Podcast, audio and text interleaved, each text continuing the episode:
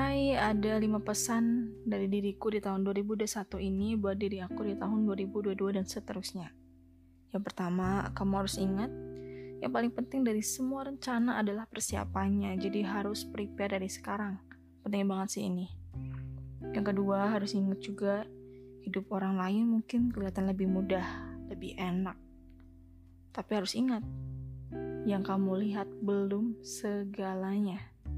Jadi jangan jadi orang yang gampang nilai sembarangan.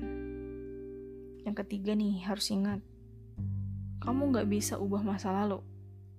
Kamu pun gak tahu gimana masa depan. So fokus aja di masa sekarang, jalanin, lakuin dan kuasain. Yang keempat, harus ingat diri kamu itu penting banget. So prioritasin diri kamu dulu sebelum orang lain. Yang kelima, harus ingat semua udah ada Allah yang ngatur. Aku di masa sekarang tahun 2021 percaya kalau kamu bakal berhasil di masa depan. Proud of you.